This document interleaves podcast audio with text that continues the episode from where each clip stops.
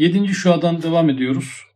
Kur'an-ı Kerim'le ilgili bahisler vardı. Parça parça ilerliyoruz. Kur'an'ın Allah'ın kelamı olduğunu noktasında bir ikna arıyor yani. Bu argümanlar geçen derste ve önceki derste onunla ilgiliydi. Biraz daha devam edecek bu ders. Hem o zamandan beri yani Kur'an'ın ilk nazil olduğu dönemden beri mütemadiyen meydanı muarazaya davet edip Kur'an-ı Kerim bir meydan okuyor e, ve bu meydan okuma halen geçerli. E, Kur'an'ın ilk nüzulundan beri bir meydan okuyor. Belagat noktasında bir meydan okuma. Benzerinin yapılamayacağı, bazen bir surenin benzerini e, yapamazsınız diyor. Bazen 10 ayetten bahsediyor. Bazen en kısa bir surenin benzerini getiremezsiniz diyor. Çeşitli yerlerde aynı meydan okumayı o dönem yapmış. E, Kur'an halen insanların elinde aynı meydan okuma devam ediyor. Mağrur ve enaniyetli ediplerin ve beliglerin damarlarına dokundurup gururlarını kıracak bir tarzda der. Şimdi o dönemin e, edebiyatçıları var. Toplumunda en öndeki insanları. Hatipler toplumu adeta. Bir hatiple bir savaş başlatılıyor. Bir hatibin bir sözüyle savaş duruyor. O kadar önem verilen sosyal statüsü en yüksek insanlar ve bu edipler ve beligler mağrur ve enaniyetli. Yani haysiyetine, izzetine, itibarına çok düşkün insanlar ve Kur'an-ı Kerim de onların tam en ince, en zayıf noktasında damarına dokundurtuyor. Yani onların en kabiliyetli olduğu konuda e, çok basit bir şey söylüyor. Yani bu surenin benzerini, benzer bir sure getirin. Hatta bütün şairler bir araya toplansın. Bütün babalarınızı, dedelerinizi hepsini beraber alın.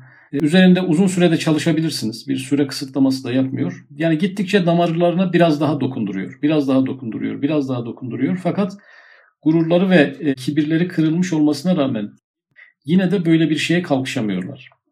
Kıracak bir tarzda der. Ya bir tek surenin mislini getiriniz veyahut dünyada ve ahirette helaket ve zilleti kabul ediniz. Şimdi önerdiği şey benzer bir sure getirmeleri. Yapamazsanız e, iki tane felaket var. Biri dünyada felaket. Yani Kur'an-ı Kerim galibiyetini ilan etmiş olur.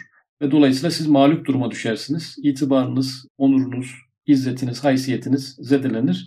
İkincisi ahirette helaket. Yani bu savaşa girdiğinizden dolayı, kaybettiğinizden dolayı e, ahirette de sizi bu Kur'an kafir noktayı nazarına getiriyor. O mertebeye indiriyor. Ebedi e, azapla sizi tehdit ediyor. Bu galibiyetinizi ortaya koyamazsanız iki tane felaket yaşarsınız diye ilan ettiği halde o asrın muannit belirleri bir tek surenin mislini getirmekle kısa bir yol olan muarazayı bırakıp uzun olan can ve mallarını tehlikeye atan muharebe yolunu ihtiyar etmeleri ispat eder ki o kısa yolda gitmek mümkün değildir. Şimdi bir kısa yol var, mücadelede bir kısa yol var. Bir de uzun yol var. Kısa yol sözle karşılık vermek, şiirle karşılık vermek. Kur'an-ı Kerim de bunu teklif ediyor. Bu kısa yolla bizi mağlup edin hadi diyor yani. Basit yol en ve sizin en kabiliyetli olduğunuz saha, sizin kendi uzmanlık alanınız. O konuda kısa yolu size gösteriyoruz. Siz bizi bu konuda mağlup ederseniz biz de kendi mağlubiyetimizi kabulleneceğiz diyor. E çok da basit bir yöntem sunuyor onlara. E fakat bu kısa yolu tercih edemiyorlar yani.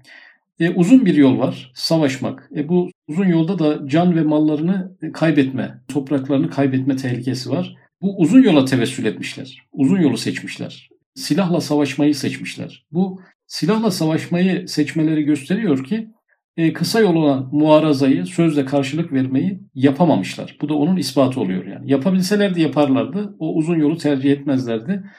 Bu uzun yolu tercih etmeleri gösteriyor ki e, muarazaya yanaşmamışlar. Bu seçeneği kullanmamışlar, kullanamamışlar. Hem Kur'an'ın dostları Kur'an'a benzemek ve taklit etmek şevkiyle ve düşmanları dahi Kur'an'a mukabele ve tenkit etmek sevkiyle o vakitten beri yazdıkları ve yazılan ve telahuku efkar ile terakki eden milyonlarla Arabi kitaplar ortada geziyor.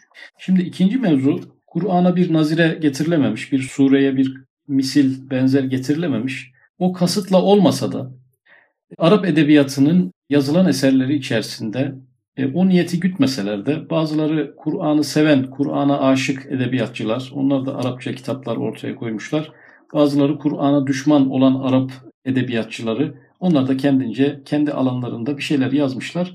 E, Kur'an'a savaş açmamış olsalar bile, bir nazire getirmek maksadıyla yazmamış olsalar bile bir de onları Kur'an'ın karşısında koyalım. Onlar koymamışlar da o iddiayı ortaya koymamışlar ama biz onları birden düşünelim. Milyonlarca Arapça edebiyat kitabı var ve telahuku efkar avantajları var. Telahuku efkar fikirlerin birbirine eklenmesi. Yani edebiyatlar eklene eklene yüzyıllar içerisinde daha da gelişir. Bu 1400 sene içerisinde birbirlerine kuvvet vermişler, birbirlerini geliştirmişler. Edebiyatta bir noktaya gelmişler. O noktayı da aşmışlar kendilerince. O milyonlarca Arapça kitaplar da şu anda meydandadır. Onlarla Kur'an'ı biz karşılaştıralım bari. Onlar o iddiada bulunmasa bile biz karşılaştıralım bari. İki kefeye belagat noktasında e, bunları koyalım. Yani neden telahuku efkara vurgu yaptı üstadımız? Çünkü mesela Türk Edebiyatı'nın ilk eserlerine ya mesela Kutatku Bilik, Divanı Hikmet, şimdi bin yıl öncenin eserlerine bakıyoruz. Gerçekten okurken ben hakikaten bir zaman kaybı, edebiyat noktasında bir zaman kaybı içerisine girdiğimi hissediyorum. Yani şöyle bin yıl öncenin edebi eserleri kültürel olarak bazen okuduğum oluyor ama yani edebiyat ancak bu kadar zayıf olur diyorum. Yani söz bu kadar söylenirken zayıflık içerisinde olabilir diyorum. Ama bir 500 yıl öncenin eserleri daha kuvvetli. 100 yıl önce belki zirveye çıkmış bazı eserler görüyoruz. Bu tarihsel süreç içerisinde e, eğer kültürlerin başına çok farklı hikayeler gelmemişse hep eserler kuvvetlenerek ilerler. Üstadımız o yüzden şu andaki milyonlarca Arapça kitaplarını baz alarak bir analiz yapıyor burada. Arabi kitaplar ortada geziyor. Hiçbirisinin ona yetişemediğini, hatta en adi adam dahi dinlese elbet diyecek, bu Kur'an bunlara benzemez ve onların mertebesinde değil. Yani Kur'an okunsa, Arapça o eserler e, okunsa e, birbirlerine benzemediği kesin. Yani benzemiyorlar. Ya onların altında veya umumunun fevkinde olacak. Yani Kur'an bunlara benzemiyor bu kitaplara. Ya hepsinden özel bir eser bu ya da hepsinden haşa aşağılarda bir eser. İki seçenek var ortada.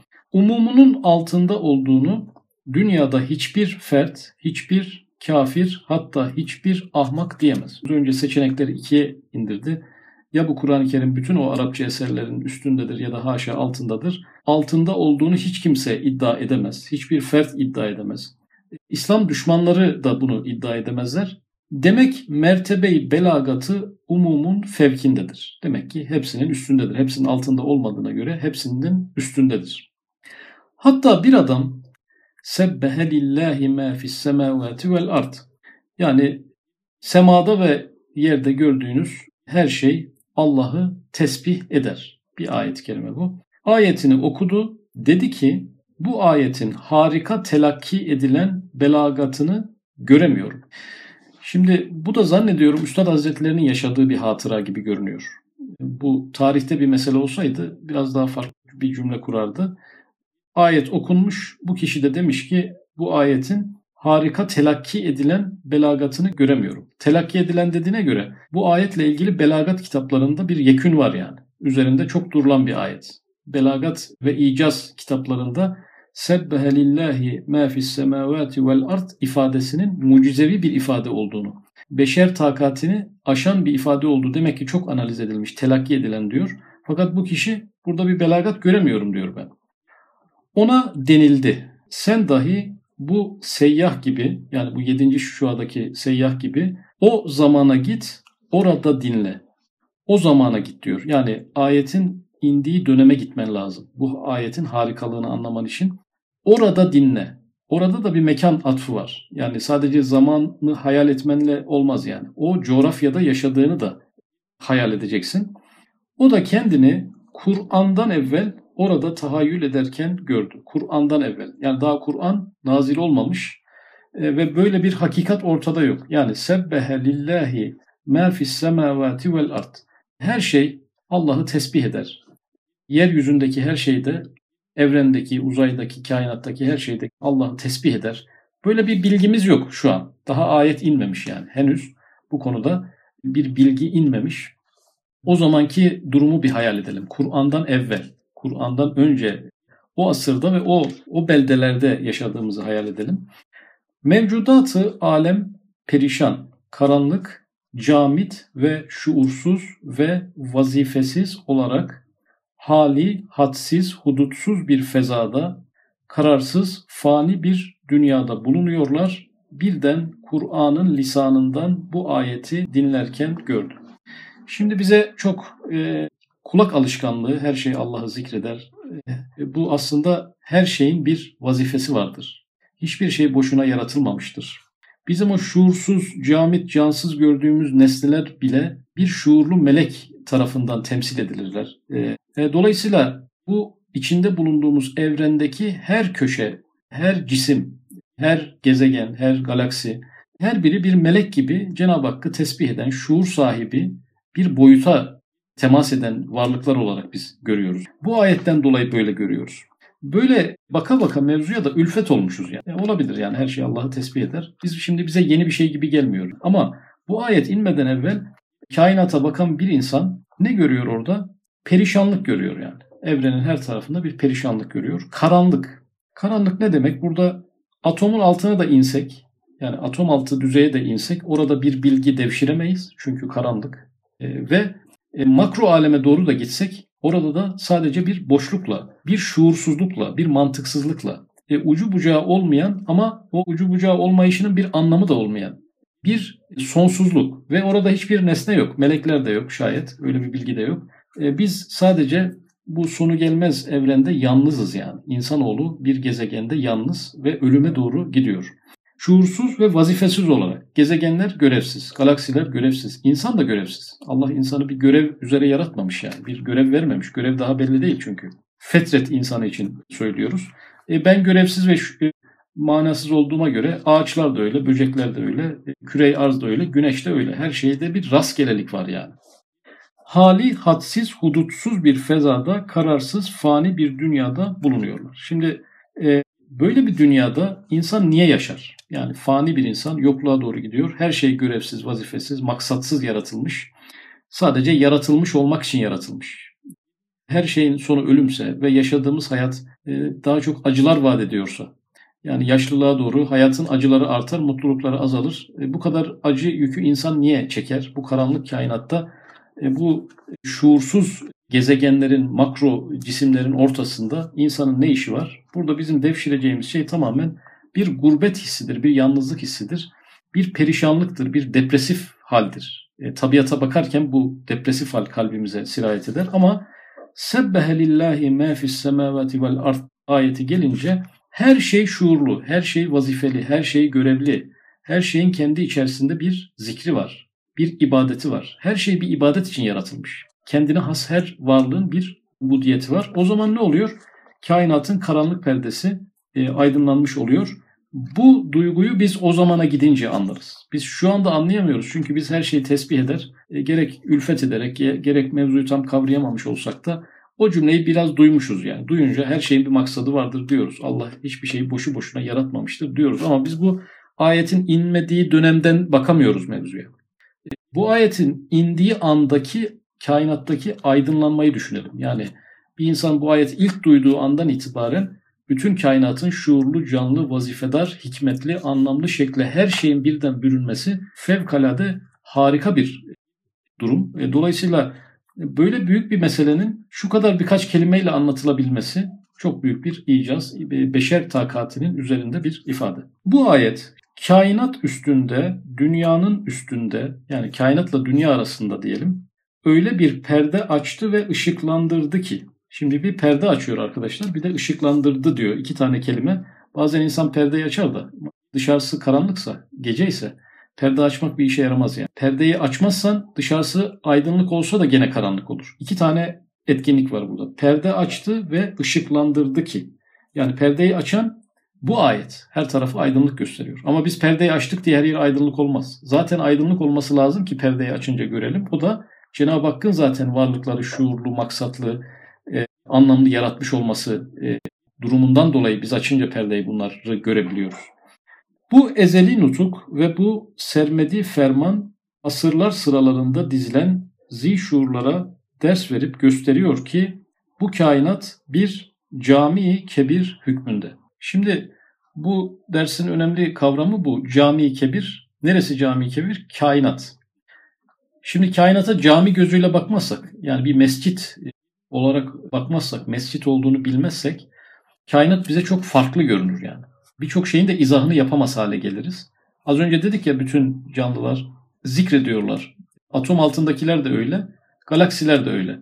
E zikrediyorlarsa bu kadar zikreden varlığın olduğu yere biz ne ismini verebiliriz? Mescit ismini verebiliriz. Mescit biraz küçük kalacaksa cami ismini veririz. E, cami de biraz küçük kalır herhalde bu mevzuya. Cami kebir. Kainat bir cami kebir. Yani bütün gezegenler birer mescit.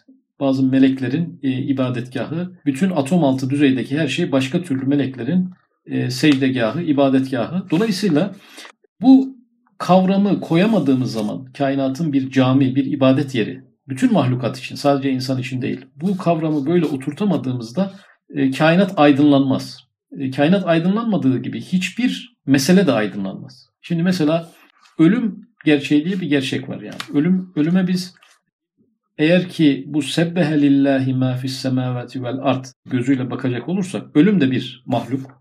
Ölüm de bir canlı. Ölümde de bir şuur var. Ölümün de bir vazifesi var. Anlamsız yere gelmiyor. O zaman ölüme bakışımız değişiyor. Veya hastalıklar ve müsibetleri düşünelim. Hastalıklar ve müsibetler sebbehe lillahi ma fis semavati vel ard ayeti gelmeden evvel başıboş dolaşan serseri mayınlardı yani. Bir şuuru yoktu, bir vazifesi yoktu, bir görevi yoktu. Bu ayet gelir gelmez anlaşıldı ki hastalıklar ve müsibetler vakti, saati, görevi tanımlanmış hangi insana hangi dakikada ulaşacağı ve sonra hangi dakikada onu terk edeceği belirlenmiş şuurlu melekler tarafından yine yönetilen bir takım süreçlere dönmüş oldu. Onlar da bir şuur ve can, bir e, vazife kazanmış oldular. Müsibetler, hastalıklar, ölüm, yaşadığımız bütün hadiseler, gündelik küçük hadiseler de dahil olmak üzere bir cami kebirin içerisinde yaşadığımız ve sebbehe lillahi ma fis semavati onların da vazifeli, şuurlu ve canlı ve anlamlı ve vazifedar bir boyuttan geldiğini düşündüğümüz andan itibaren işin rengi değişiyor. Bütün işin bu kadar rengi de bir ayetle değişiyor. Sebbehe lillahi ma fis semavati vel ard. Bununla değişti yani. Böyle bu bilgi bize gelmemiş olsaydı biz bu şekilde kainata bakmamız mümkün olmayacaktı. Başta semavat ve arz olarak umum mahlukatı hayattarane zikir ve tesbihte ve vazife başında cuşu huruşla mesudane ve memnunane bir vaziyette bulunduruyor diye müşahede etti. Şimdi burada bir de bizi kaplayan kainatın arkadaşlar mesut olması ve memnun olması. Halinden her varlık mesut, her varlık memnun. Az önce dedi ki hepsi şuurlu, hepsinin müekkel meleği var. Ve kainatta vazifesiz, başıboş şuursuz bir boyut hiçbir yerde yok. Ama evet şuur var, vazife var ama acaba mutlular mı bu varlıklar? Diyor ki bu ayet Sebbehe lillahi ma fis semavati vel ard Sebbehe bu tesbih böyle daralarak, istemeyerek, zorla, isteksiz bir biçimde bir tesbih değil o ayetteki o kelime. O mesudane ve memnunane. Yani kainatta her varlık mesut, her varlık memnun bir halde görevini yapıyor. Hani isteyerek veya istemeyerek gelin diyor bir ayette. İsteyerek geldik ya Rabbi diyorlar. Yani her varlıkta bir yaptığı vazifeden de memnun olma, mesut olma, ondan bir zevk alma, zikir zevki alma e, söz konusu. Şimdi madem böyle bu tür bir kainatta mutsuz olan kim e, ve mutsuzluğu kendisine yakıştıran kim, bunu normal gören kim? Bir tek insan var yani. Aslında insan kendi mutsuzluğuyla kainattaki mesudane ve memnunane zikrin muhalifinde bütün kainata muhalif bir duruma geçmiş oluyor.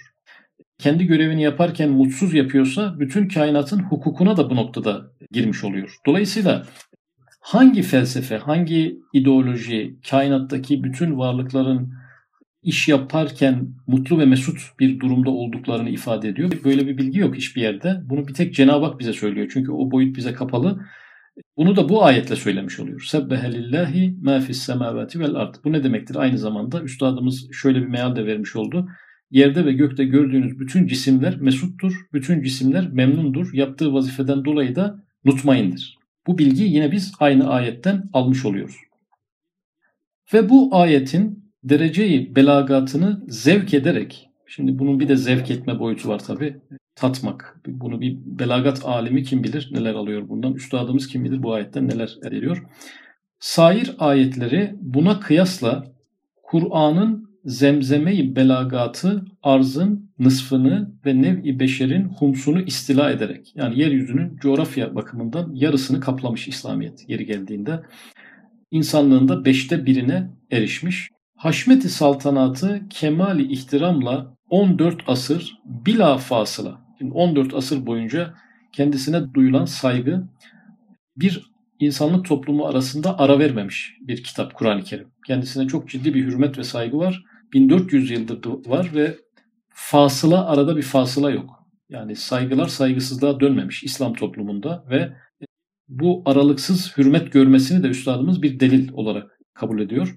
İdame ettiğinin binler hikmetlerinden bir hikmetini anladı. Şimdi nasıl böyle bir kitaba hürmet gösterilmesin ki? Kainattan bir perde kaldırdı. E, bizim bilimsel araştırmalar için. Şimdi atom altına inen bir bilim adamı e, yani bir dini yanlış algılamayla haramdır gözüyle bakabilirdi yani. Buranın aşağısını sorgulamak haramdır. E, uzayın derinliklerini araştıran bir bilim adamı yanlış bir yorumla Cenab-ı Hak bize bunu yasaklıyor diyebilirdi. Kur'an-ı Kerim bu ayetle teşvik de yapmış oluyor. Her şeyi zikreder, her şey canlıdır, her şey vazifelidir. O zaman biz bu vazifeler nedir öğrenmeliyiz. Hangi varlığın vazifesi nedir öğrenmeliyiz diye bir teşvik olarak da bunu görmüşler.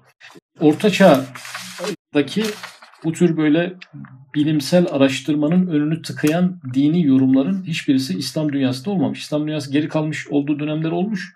Kendi tembelliğinden dolayı bu olmuş. Kur'an-ı Kerim'in ona çizdiği sınırlardan veya onun önünü almasından veya haramdır, yasaktır hiç kimse inanmaz yani. İslam tarihinde hiç kimse bilimsel araştırmanın önünde dini bir engel olduğuna en cahilleri bile inanmaz. Dolayısıyla e, bu ayet bir de teşvik ayet olmuş oluyor yani. Gidebildiğiniz kadar gidin, araştırabildiğiniz kadar araştırın manasında bir teşvik olarak algılanmış. Dördüncü nokta. Kur'an öyle hakikatlı bir halavet göstermiş ki en tatlı bir şeyden dahi usandıran çok tekrar. Yani insan en sevdiği yemeği bile her gün yerse e, bıkabilir. Kur'an'ı tilavet edenler için değil usandırmak belki kalbi çürümemiş ve zevki bozulmamış adamlara tekrarı tilaveti halavetini ziyadeleştirdiği eski zamandan beri herkesçe müsellem olup darb-ı mesel hükmüne geçmiş. Şimdi Kur'an-ı Kerim tilavetinde bir tatlılık var. Bir daha bir daha okunan bir kitap dünyada tekrarla okunan en önemli kitap yani. Bu kadar tekrar edilerek okunan birinci sıradaki kitap. Ve e, insanlar bunu tekrar okuduklarında daha tatlı bir lezzet aldığını o kadar çok sık söylemişler ki bununla ilgili atasözleri oluşmuş artık. Artık herkesin kabul ettiği bir gerçek olmuş ki Kur'an'ı geçen yıl hatmettik, bir tatlılık hissettik. Bu yıl hatmederken biraz daha bir tatlılık hissediyoruz. Gecesini gündüzünü Kur'an'la geçiren insanlar daha büyük tatlar alıyorlar. Fakat bir parantez açtı burada. Kalbi çürümemiş ve zevki bozulmamış adamlar diye bir kayıt açtı. Demek ki insan kalbi günahlarla, işte bidatlarla, e, din dışı bazı yaklaşımlarla yıprana yıprana e, bu nasıl hasta bir insan hani grip oluyoruz, hasta oluyoruz, yediğimiz yemekten nasıl lezzet almıyorsak kalbi hayatı bozulmuş insanlar da bu sürekli lezzeti artan bir Kur'an'ı okurken o lezzeti duyamayabilirler, bunalabilirler, daralabilirler hatta kalbin bozulma nispetine göre. Hem öyle bir tazelik ve gençlik ve şebabet ve garabet göstermiş ki 14 asır yaşadığı ve herkesin eline kolayca girdiği halde, şimdi biz elimize bile, telefonlarımızda bile var, şimdi nazil olmuş gibi tazeliğini muhafaza ediyor. Yani bu günümüzde yaşadığımız toplumsal hadiseler var. Onlar açısından Kur'an-ı Kerim'i okurken Allah Allah tam bugün anlatıyor diyoruz yani.